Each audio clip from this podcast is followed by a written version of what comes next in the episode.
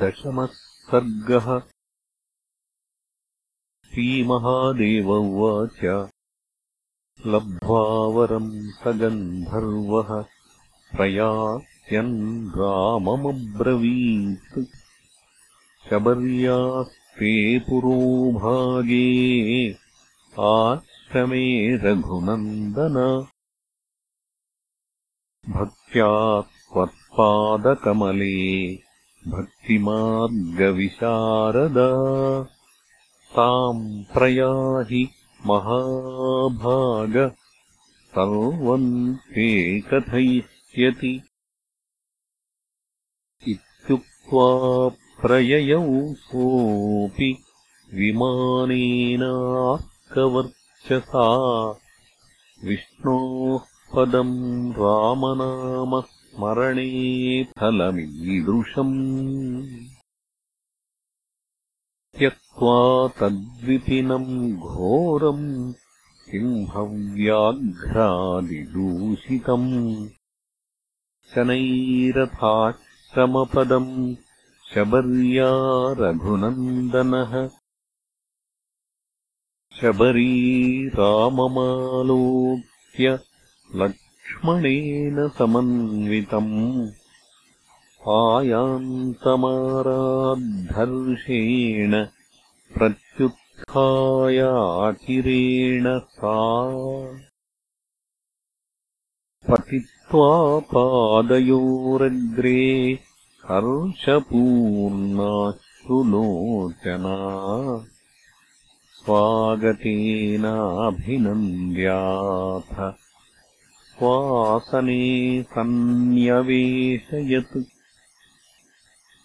रामलक्ष्मणयोः सम्यक् पादौ प्रक्षाल्यभक्तितः तज्जलेनाभिषिच्याङ्गमथार्घ्यादिभिरादृता सम्पूज्य विधिवद्रामम् सौमित्रिम् सपर्यया सङ्गृहीतानि दिव्यानि रामार्थम् शबरी मुदा फलान्यमृतकल्पानि ददौ रामाय भक्तितः पादौ सम्पूज्य कुसुमैः सुगन्धैः सानुलेपनैः कृतातिथ्यम् रघुश्रेष्ठम् उपविष्टम् सहानुजम् शबरी भक्तिसम्पन्ना प्राञ्जलिर्वाक्यमब्रवीत्।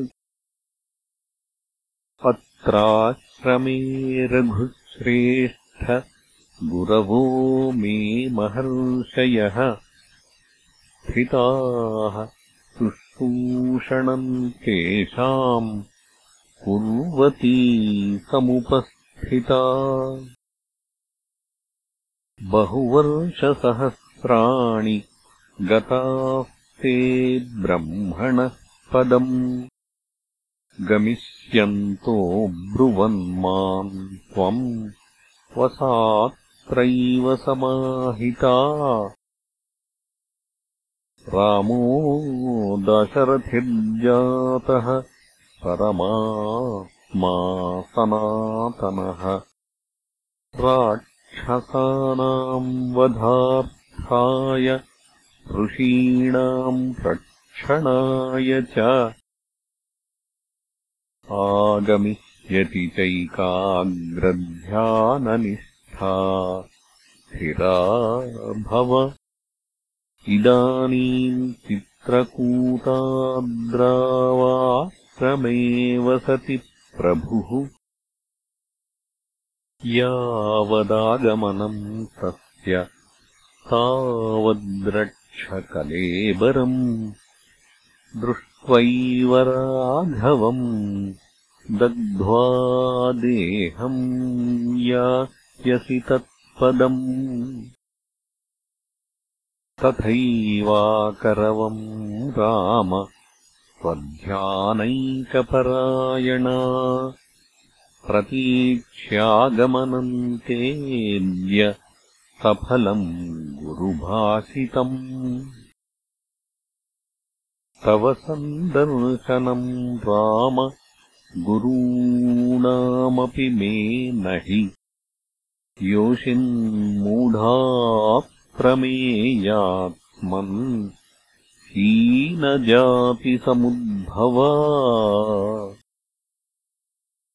तव दासस्य दासानाम् शतसङ्ख्योत्तरस्य वा दासीत्वेनाधिकारोऽस्ति कुतः साक्षात्तवैव हि। कथम् रामाद्य मे दृष्टस्त्वम् मनोवागगोचरः। स्तोतम् न जाने देवेश। किम् करोमि? प्रसीद मे श्रीराम उवाच पूस्त्वे स्त्रीत्वे विशेषो वा। जातिनामाश्रमादयः न कारणम् मद्भजने भक्तिरेव हि कारणम्। यज्ञदानतपोभिर्वा वेदाध्ययनकर्मभिः नैव द्रष्टुमहम् शक्यो मद्भक्तिविमुखै सदा। तस्माद्भामिनि सङ्क्षेपाद्वक्ष्येऽहम् भक्तिसाधनम्। सताम् सङ्गतिरेवात्र साधनम् प्रथमम् स्मृतम्। द्वितीयम् मत्कथालापः तृतीयम् मद्गुणेरणम्। याख्यातृत्वम् मद्वचसाम्। चतुर्थम् साधनम् भवेत्। आचार्योपासनम् भद्रे मद्बुद्ध्या मायया सदा पञ्चमम् पुण्यशीलत्वम् यमादिनियमादि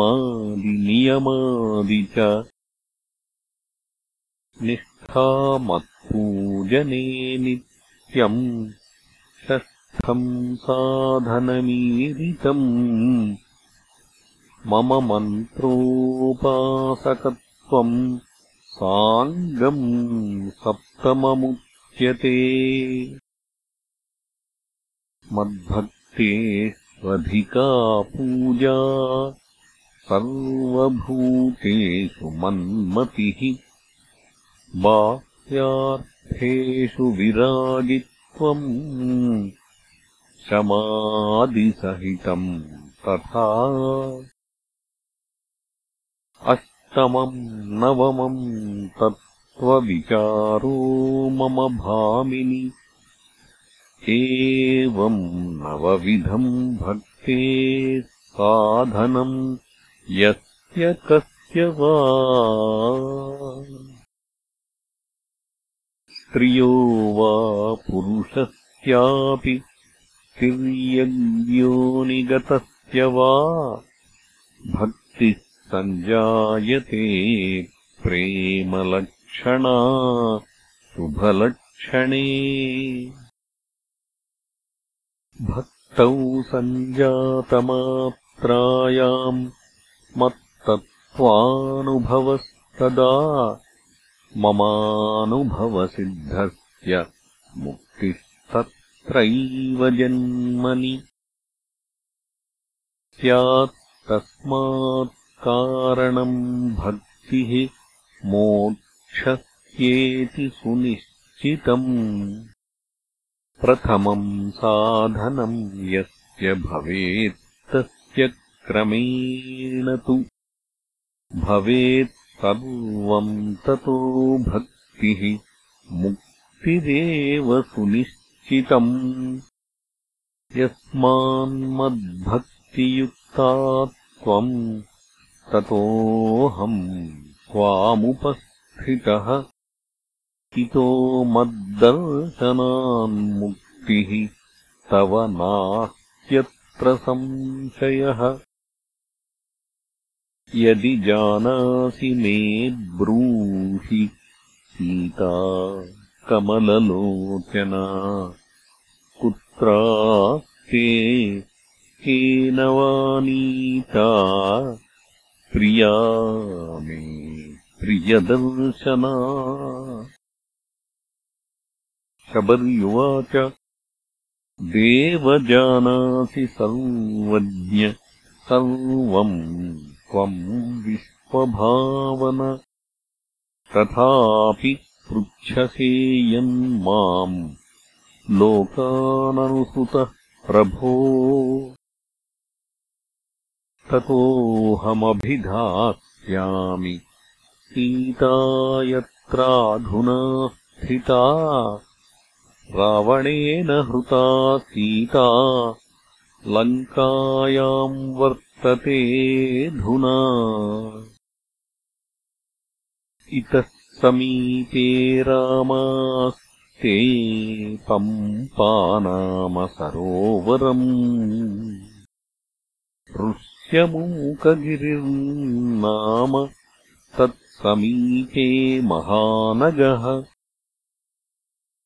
चतुर्भिर्मन्त्रिभिः सार्धम् सुग्रीवो वानराधिपः भीतभीतः सदा तत्र तिष्ठत्यतुलविक्रमः भयाद्भ्रातुः तदगम्यमृषेर्भयात् वालिनस्तत्र गच्छत्वम् तेन सख्यम् कुरु प्रभो। सुग्रीवेण स सर्वम् ते कार्यम् सम्पादयिष्यति। अहमग्निम् प्रवेक्ष्यामि तवाग्रे रघुनन्दन मुहूर्तम् तिष्ठ राजेन्द्र यावद्दग्ध्वा कलीबरम् यास्यामि भगवन् राम तव विष्णोः परम् पदम्। इति रामम् समामन्त्र्य प्रविवेशहुताशनम्। क्षणान्निर्धूय सकलम् अविद्याकृतबन्धनम् रामप्रसादाच्छबरी मोक्षम् प्रापातिदुर्लभम्